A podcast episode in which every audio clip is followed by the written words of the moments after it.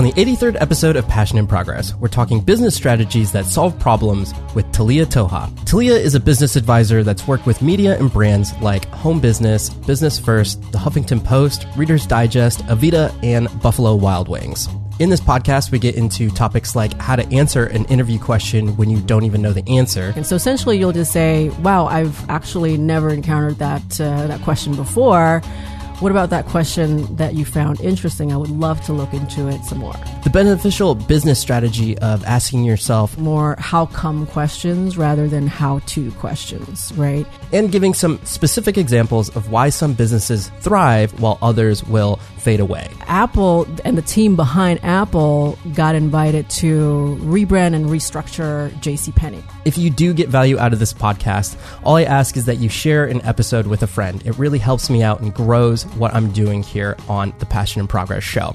You can tag me at Javier Mercedes X on whatever social platform you choose to use. With all that out of the way, let's get into the 83rd episode of the Passion in Progress show. What is up, Mercedes? Javier Mercedes here for yet again another Passion in Progress show where we talk to inspiring individuals and hopefully through hearing their stories, you too are motivated to go out and pursue your passions. And we are here with Talia Toha. Did I pronounce it correctly? Yes, you did. You What got it. up? You nailed All it. right. You're a business advisor, correct? So go ahead and give us a little bit of your background advising. Yeah. Mm-hmm. So, I mean, and just a little bit about myself. I mean, I came here as a first generation immigrant, and mm-hmm. my family, I grew up in Indonesia. And actually, this is a good number of years ago, maybe 15 years ago now.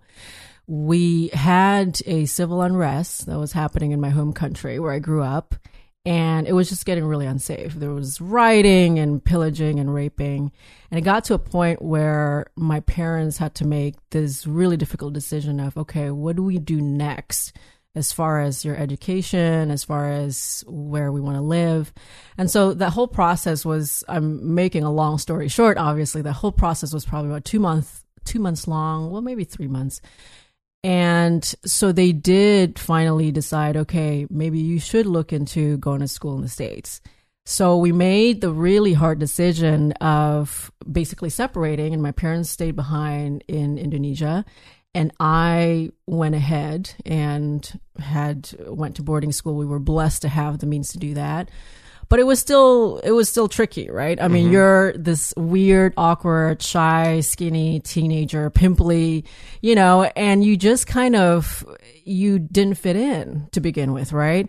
And when i got there i could understand some english but i couldn't really speak it well right? I couldn't really express myself. I felt like i had to be somebody else and also at the same time, you know, of course, I had to deal with the academics, making new friends, and I, I was essentially stripped off of all of the skill set that I had coming to the States and then having to essentially learn everything from zero, right? So it was almost like the ground zero for me to start going, okay, well, what do I do here? Like, what do I do now? How can I make this as great as of a situation as possible? So that's actually when I started all of these mindset shifts that's now super popular. I started there just kind of testing, okay, if I do this, if I look at things this way or that way, what happens? How come when I ask these questions to other people, this is what happens? So all of those things and I'm so thankful actually now looking back to it that that's how it came about because to this day, I mean, that's how I got to um, work with people that I, I now work with. I got to advise for national brands. I got to work with all these amazing entrepreneurs. And it all just started from just that willingness and almost eh, not so much being forced to do those things, but an invitation to look at your life differently. You know what I mean? So, so that's actually where it all started. So now when I talk about business strategies, I always, always encourage people to start with what are the problems that we need to solve and not so, and maybe the not so obvious things, right? If most people are looking into maybe growing their business or whatever, scaling, get more audience, get more clients, all these things. And a lot of times we, what do we do? We go to like our computer and we type something in and on comes this list of, you know, 10 how to's and all these things. Nothing wrong with that. But then the question that we need to ask is, okay, are we really asking the right questions here? Are we asking questions that provide this sort of macro look into what can actually solve problems that don't actually get solved, but need to get solved. You know what I mean? So those are some of the kind of the process that I typically go through when I work with somebody and and and um, look into what we can do to grow their business. So that's kind of the long story medium about how I came about, which is really something that again, like I said, I was thankful for and now it's just it's my thing. Like now i just i just do it. So. Yeah that, that uh, started out in a very dark place. You're yeah. like yeah. i like how your energy was there and then i was like well this is how i started. Mm-hmm. when you approach clients what's one of the first things that you ask? Because it sounds to me that it's more about the why and what they're doing um, than a specific this is the task that you have to get done. And I know it's a case by case basis, so I don't know if there's any particulars that you'd be able to give or um, any examples, but it sounds uh, like a very smart strategy when you are looking to problem solve something. Yeah, 100%. I mean, I think whenever we look into something, like I said, it's always, we always tend to default into doing something that we think would be the solution, right? When in fact, we really need to be asking questions on the front end of it, on the kind of the question side of it rather than the answer side of it. So a story that I actually ran into, which is, this is funny, just a couple days ago, I read this article about how there's this man who came out of eh, maybe his office or I can't remember now, maybe he was shopping, but he went to his car and he discovered that, okay, I left my car and my cell phone um, I'm sorry, I left my key and my cell phone in the car. Um, and I locked myself out, right? And so, of course, we've all been there. We left keys here and there, right? So we can relate. And it's just, it's just that moment of panic when he decided, okay, well, what do I do now? This is really not great because I can't get home. If I even get to call my wife, my wife doesn't have a car. So he goes through this mental exercise of what do I do now? But he was fixated on I need to get my wife out here, but she can't get here. So one car goes by, nobody stops, right? Second car goes by, nobody stopped. Third car goes by, still nobody stopped. And then on came this guy who was riding on his bicycle, and it wasn't like a motorbike, you know, it was a bicycle, bicycle, right? Two wheel bicycle and it was a teenager and he said hey what's going on? And so the guy said well he explained the whole thing. This is what happened. I can't get my wife out here. She has the extra extra key. Nobody's stopping. I can't call anybody even if i call her with your phone. So anyway the the teenager then looked at him looked at the car looked at the keys and the phone in the car and went well why don't i just you know pick it up from your house? And so the guy went, well, that's odd because wh- you're on your bike. It's seven miles out and back. It's, it's going to take you too long. And the teenager went, okay, well, that's fine. No worries. I'll just do it. So he went, picked up the key, the key from the wife and gave it to the, to the man.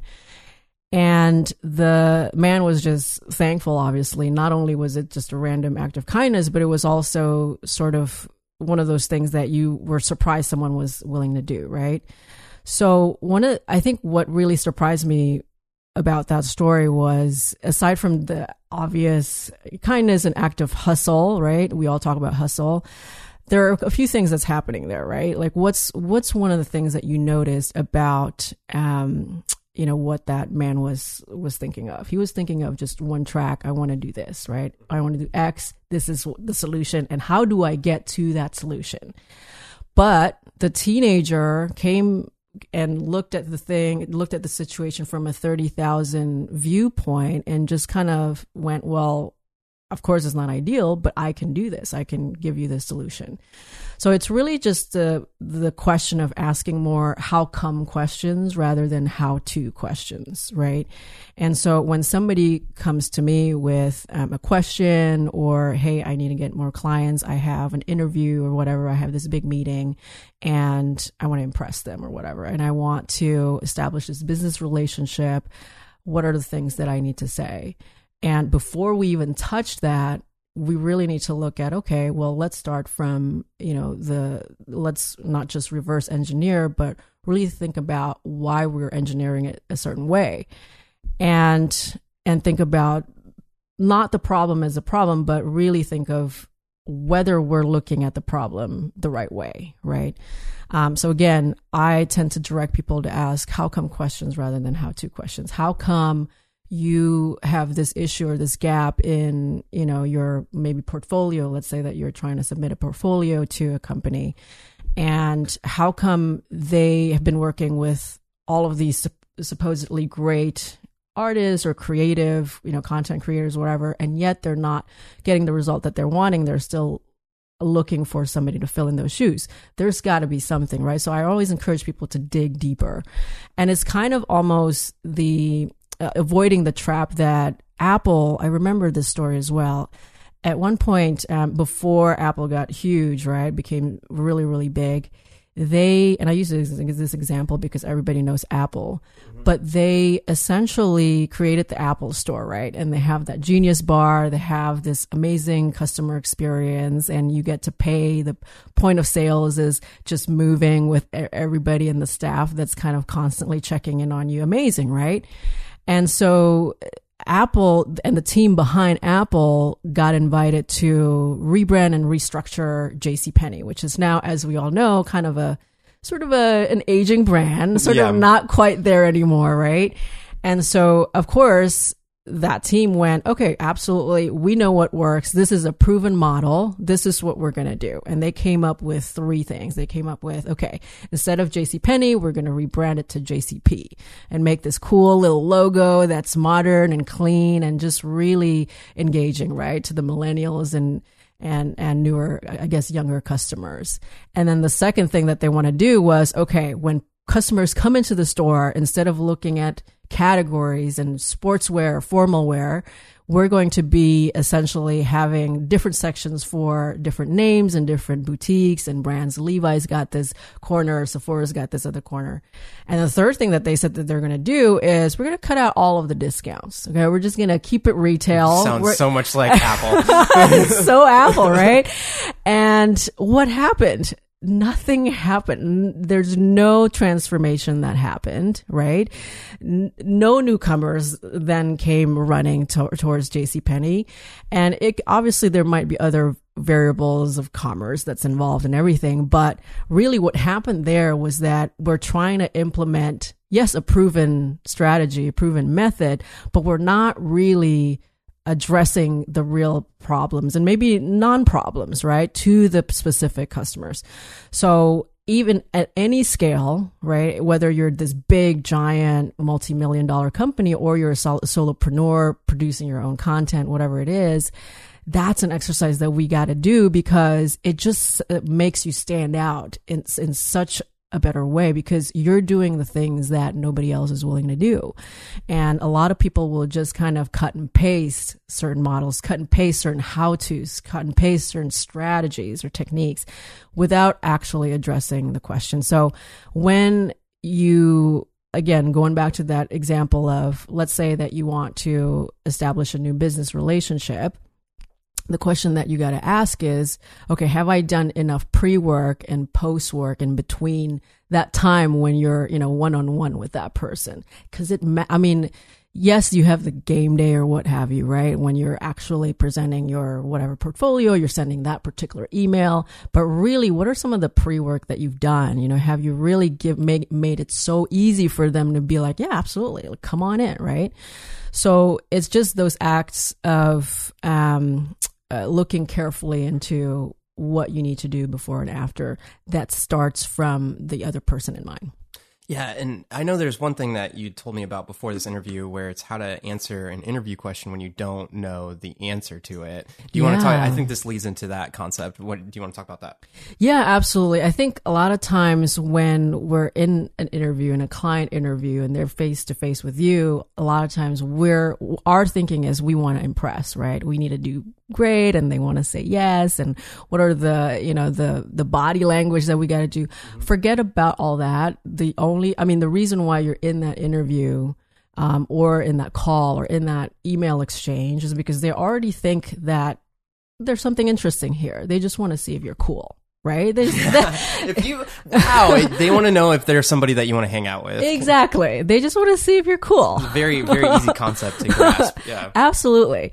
So uh, the thing with the thing that always surprised me is that when somebody on the other side throws you a question that was clearly obviously maybe there is an interest to to make you answer that properly but clearly it's one of those interview questions that you're like well I don't know. You know even if I prepare for it I don't have the 10 years of experience and it shouldn't stop you from going to that interview. So what what happens when somebody asks you like a question that you've never ever thought about answering before Oh. Well, on this podcast, I always I'm very sure I always am like, I don't know what you're talking about, but I would love to know more. So let's Yeah. talk about it. Yeah, yeah. so that's actually that's actually exactly where where you sh- you're supposed to start, mm-hmm. right? The I don't know, and the truth trumps all things. They want to know if you can tell the truth and still be confident in front of them and and say it in a way that make them want to work with you some more, right? So really for me what I've seen work with a lot of people that I've observed and you know all these amazing CEOs or even just uh, people who are just starting out is that they essentially answer it in three parts, right? And I'll, I'll give you an example, and it's really common. And if you hear it, you'll notice that you've actually heard these questions, uh, these answers before. But we'll break it down in a second. So essentially, you'll just say, "Wow, I've actually never encountered that uh, that question before. What about that question that you found interesting? I would love to look into it some more." And that is it. That is it. So you essentially you use the first part to say, "Okay, great point. I never thought about that. And I have not thought about it because, and you can weave in if you want to make it longer, if you're comfortable to make that answer longer, weave in the fact that because I've been so focused on this other project or whatever, and that's been my specialty. Great, right? Just a reminder for them to kind of point back to why you haven't been working on that, mm-hmm. but you've been, you know, working on this other thing.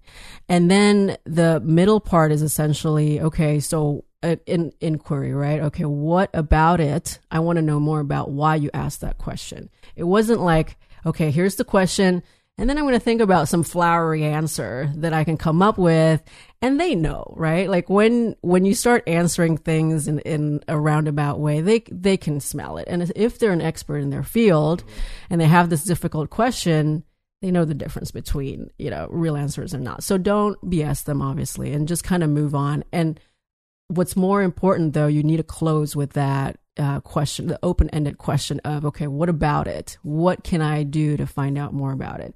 Um, and actually follow up afterwards you know? And that's kind of what i talk about. I, I call this kind of the bookend strategy where not just the beginning but also the end where you follow up in a way that's really high touch and high level. And it's not just hey checking in hey following up hey wh- what do you think right um, what do you think about my email? It, so none of that. Just kind of each time you you contact them, whatever it is, you need to have something that um, that's uh, that shows them that hey, he's he's already a top performer. He's already a player who's really willing to play.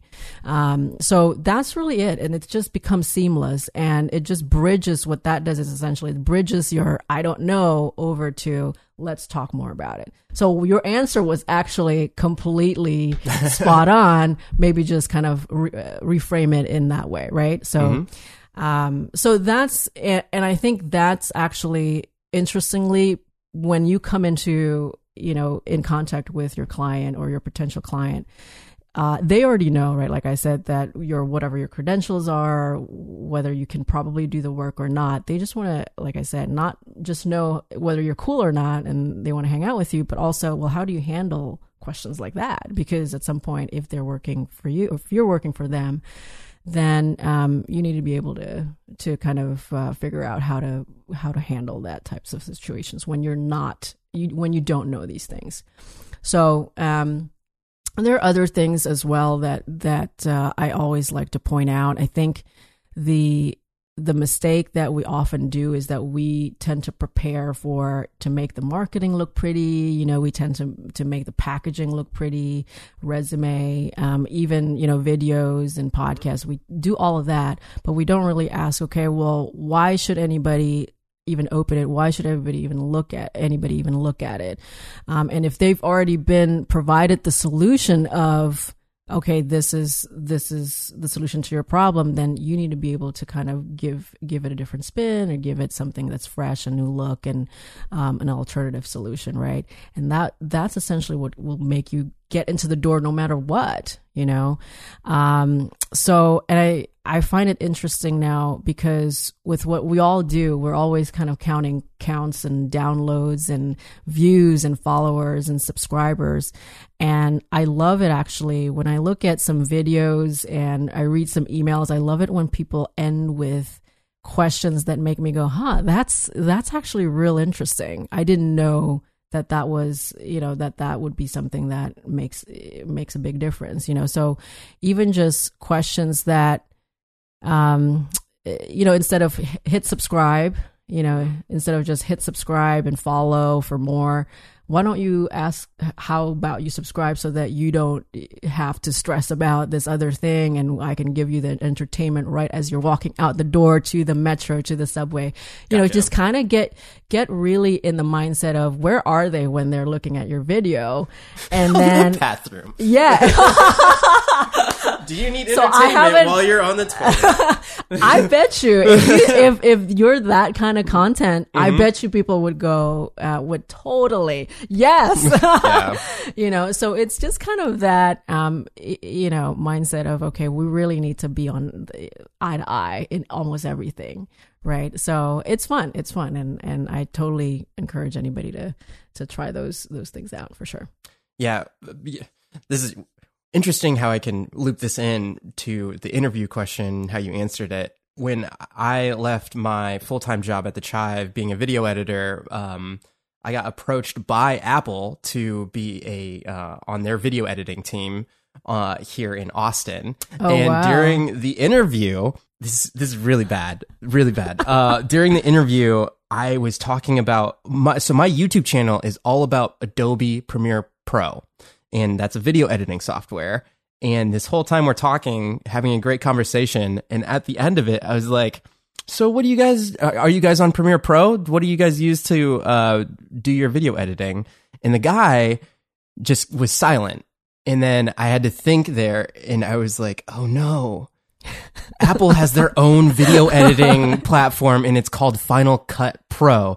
And he, he let me answer it for him, but I had to completely own up to it and just say, look, you guys are probably on Final Cut, aren't you? He's like, yes, we're on Final Cut. And then I was straight up with him. I was like, look, I know the theories behind video editing, but I don't know anything about Final Cut. So uh, even after that, it was a great conversation and everything. But obviously, right now, I'm pursuing YouTube, this podcast, and all that kind of stuff. So did they ever get back to you, or was that? Oh, so here's another thing too. He, him, the person that was doing the hiring, uh, when he reached out, I told him straight up and said, "Look, I just."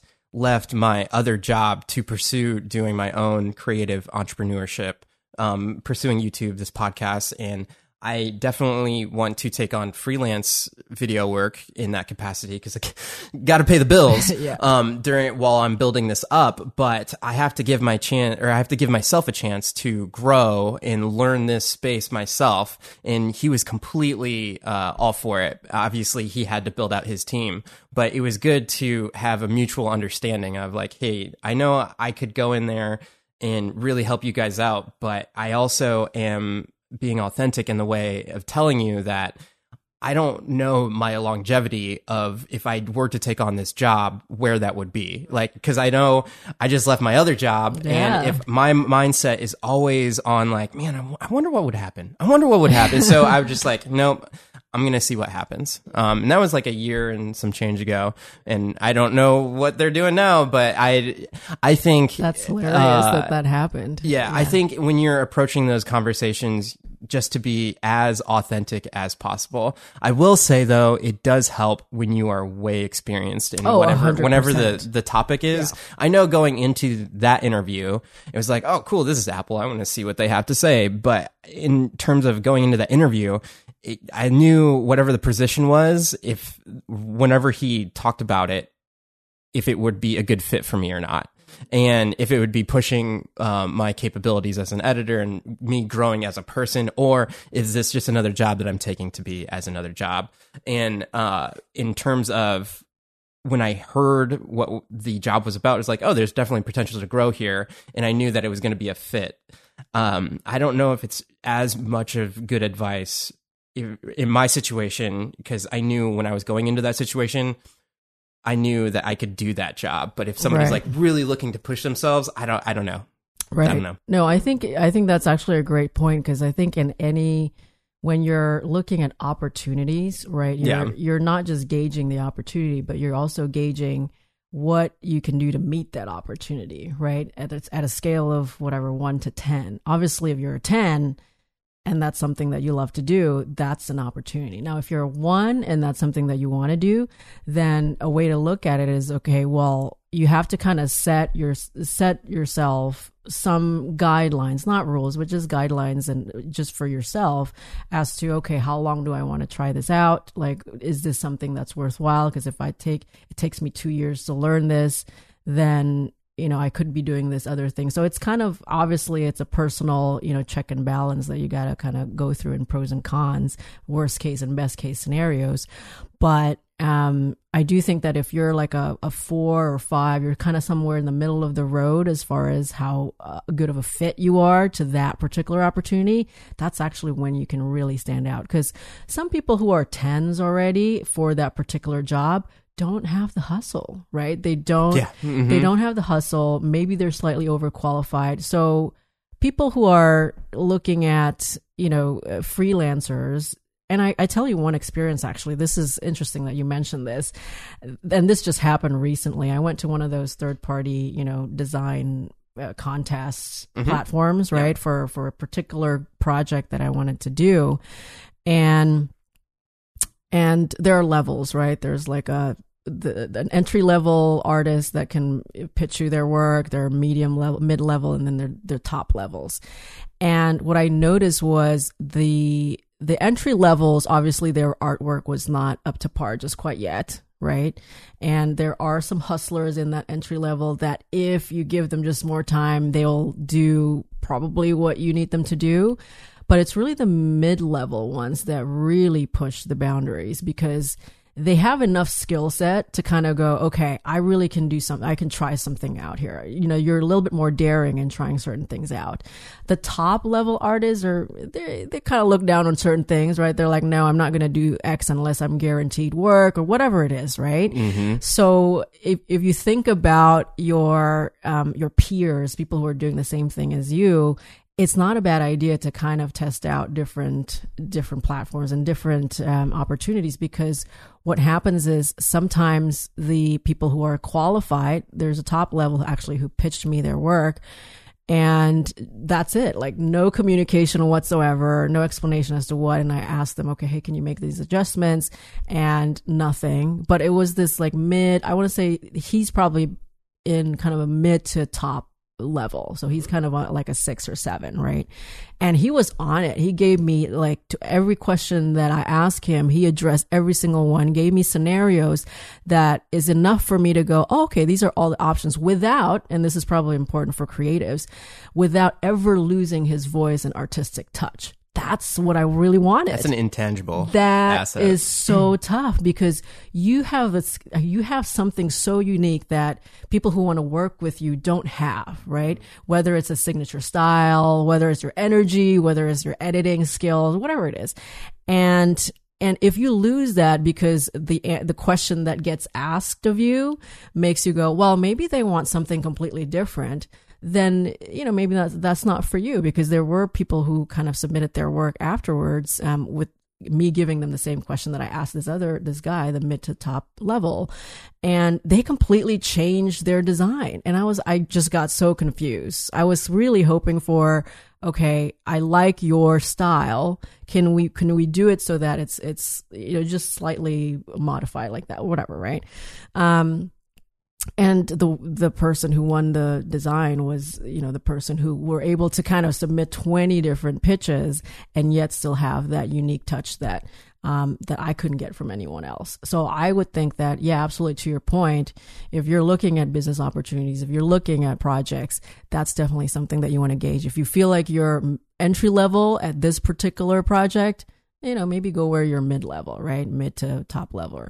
Um, but if you feel like you're entry level and you really are a genius at that, yeah, absolutely go try it out, right? Mm-hmm. So it's kind of that gauging that often probably gets entrepreneurs a little sidetracked, especially in the beginning of their careers.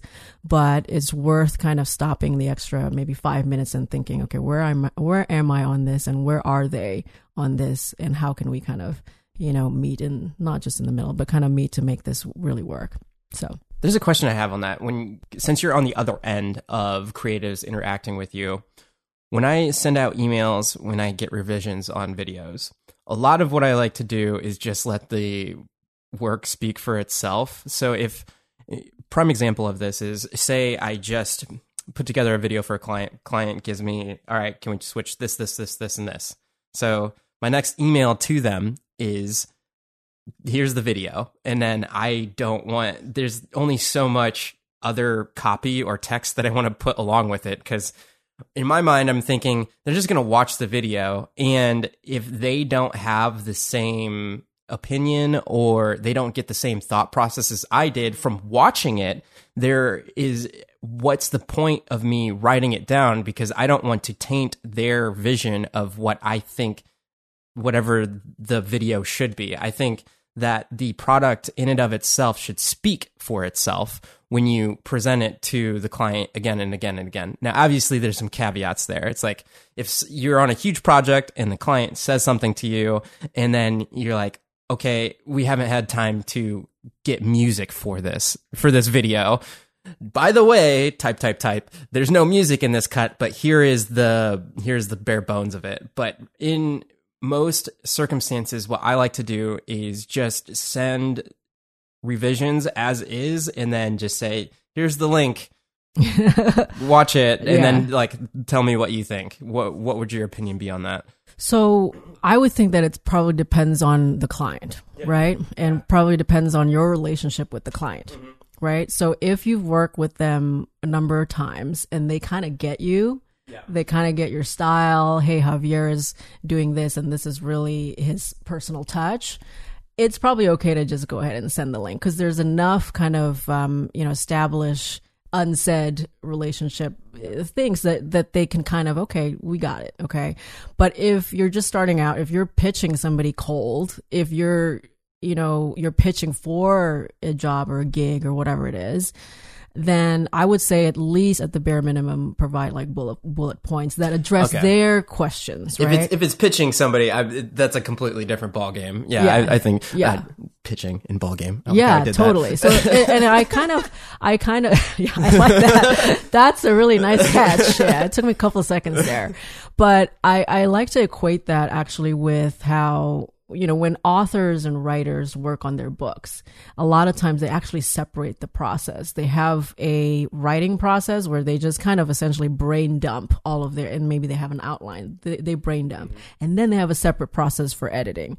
So I would actually equate your journey and process with the client as okay where am i on this like where where am i exactly with with this person or this yep. company or whatever it is and um, I think, and I come from a family with artistic background, and I get it. You know, my my sister is an artist, and she's actually a, a visual arts uh, major and all that. So she's like a hardcore, like real, not even applied arts, right? Mm-hmm. And consistently, she would say, "I don't want to have to explain my art." And I totally understand it because, yes, absolutely. But that's exactly why you're the genius, right? You're the genius who masterfully created this amazing thing for people to to understand and unless there are critics and people who are constantly like you know making notes and like reviewing your work it's usually pretty hard for just laymen people and clients on the other side to understand exactly the thought process mm-hmm. right so um, i would say that as a general rule if they have specific questions, right, and requests, then in your revision it, video or link or whatever, just go bullet point it and just be like, on that question, this is what I tried out. Um, I could tr- try option B. I haven't, but let me know if you need to, right? And go like three bullet points or whatever it is, and easy. So you don't have to like go into this prose and and story about why this is it. And I think that's kind of uh, people don't want to read that anyway. People have like three minutes to really look at things these days. Maybe at most more like more like three seconds, right? So yeah, yeah so especially with videos, and that's why a lot of the videos up these days are really really short. And um, so, yeah, just the goods, you know, just the goods. Maybe if you feel like there are highlights in your revision, then you go, okay, at whatever 0041 or whatever it is, you know, this is wh- why we did and I, why we did this and we changed it up. So I would say because a video is a story, right? You have to be able to at least at minimum explain that three bullet point of the beginning, middle, and end. And our brain just works that way, right? Even on short little snippets of memes and things. Like it needs to be able with within that time frame, whatever that is, to uh, have a beginning and a middle and an end. So that would be my recommendation. As a consumer of content for all the content creators that listen and also just the creative entrepreneurs that make their marketing materials and everything, what's the biggest piece of advice that you can give? Oh, okay. So there's probably quite a bit. well, fit it into five minutes. um, so I actually, I think nowadays the cleaner and the simpler definitely the better. I, I, I really really now I just don't like to look at things that's more than like I said you know 5 minutes. I just that 20 minute is too long. It's just not now it's different if we're doing podcasts right? You're listening you know what you're getting into if you click yeah. on it. Yeah. yeah absolutely. So um a is definitely keep it nice and short and which means that you got to put your best work out there right off the bat right? Don't I think there's a, a presumption that you have to build up to something right you have to build up to something when you're creating content, whether you're blogging or vlogging or, you know, creating video. I, I would say yes if you are doing longer, you know, pieces of content, but if you're doing things that are shorts, you know, pithy and just real gems and things that they can go, huh, that's really interesting. And it just kind of catches their attention. Um, I, I would say just put your best foot forward up front. So whether that's the cooler music or you know really cap image that's really captivating up front that go what the hell? and just make them kind of tune in some more. Um, don't save it till the end because I, I see that often where people would save like the good stuff in like a little thing like a little um, corner and i'm like well why why would you do that? You know i can't find i have to look for it. And there's this concept uh, in um, consumer consumerism where you you essentially have um, eh, you know, there's a three minute fish brain eh, where mm-hmm. where if you don't get it in within three minutes you're you know they'll click out right yeah. and um, it's probably getting even smaller now it's probably mm. getting three seconds. yeah. You know, and I talk about this as well, um, as far as, you know, um, a lot of, uh, when I used to, uh, when I advise for retailers, like big brands, they have this thing that they call, um, the vista, you know, so when you first walk into a store, you look at this grand kind of road just middle of the road and then it, it leads to this disney castle right? Like the mm-hmm. the vista that you want them to kind of see immediately right off the bat. But the trick is how do you make that vista clear that they can intuitively just go okay i'm going to go to the right here and then just kind of follow along. And it's almost like you're guiding the experience. And i think that's the challenge that a lot of content creators right now is faced with sometimes they would just focus on okay this is the title this is the subject line and then they kind of you know kind of uh, not do such a great job on the content right? Not so much right? The first paragraph needs to be so catchy and so compelling. It almost needs to be kind of a summary of what you're trying to say or what you're trying to create. Um and it's it's i think that's the point of a trailer. I think that's the point of you know when you look at videos sometimes the opening scene is is you know this this chase scene you know just something that really grabs the attention. And it doesn't have to be loud or this mega scene or the most expensive scene. It just has to be, make them kind of stop and look back and go that's okay that gets me thinking a little bit. What what else? What's what's more? Right? Mm-hmm. um and and I think that's different for everybody. Every Yeah. content creator obviously has their own theme to it. So I mean, what do you think as far as as far as Oh yeah, so perfect. A perfect example of this is my best performing video on my YouTube channel. A lot of the comments that I get on it is they say, "Thank you so much for putting." It's a tutorial, and they say, "Thank you so much for putting the uh, how to do the tutorial within the first five seconds of the video." Yeah. And then I actually was enticed to stay for the rest of the video. And I'm not just saying this is like one comment. This I get this maybe like once a month on that video. Somebody says something like that. So I think that's a clear and concise ex- perfect example of exactly what you're talking about and completely different in terms of like it's not a chase scene or anything like that but it is what the content is about in the very first um, couple seconds which i try and do and copy and paste that method with all my videos now and just say hey this is what this video is about if you don't if that's not what you were thinking then you can click You can away click now out, but yeah. hopefully you're here to stay yeah, exactly. So I mean, I think that's really important. So I'm glad that you point that out. Um, and you also have a podcast coming out. Where can people find that, and where can people find you? Yeah, absolutely. So all of the good details, and I have a free gift actually for your, you know, for for your What? audience. This is yeah, amazing. something real quick, some cheat sheet, you know, all the good stuff for Javier. um, and it's really just something that you can take for the next time you're thinking about reaching out to your people, and maybe for client to clients and things like that. Um, that way you can have something handy. It's the top two, what I call top two reaching out pearls, and um, it's going to be on my website goodgrowgreat.com slash pip passion process uh, progress so Yeah. it's it's um so you can find and it's going to be in your url I'm Yep, yeah, yeah. inclu- I'll put it there. perfect yeah so that there you go yeah Awesome. yeah Well, there you go. Uh, and then, what's your podcast about? So it's going to be predominantly business strategies and it's going to talk about things that I have talked about just over here. And more so, though, I'd like to kind of keep it really short, 10 minutes long every day, and essentially snippets of what I learned as far as growth solving, as far as, um, you know, solving for things that's not immediately obvious in your business. And I would look at articles, I would look at blogs, I would look at, po- I would listen to podcasts, and all of these resources. Obviously, I'll have experts there as well. And um, hopefully, it's useful to you guys. I love that. I love that you want to keep it short and concise, and it's daily, man. That's that's a, quite the task. Quite the task. Well, cool. Thank you so much for your time. Yeah, absolutely. Thanks so much. I love uh, being here.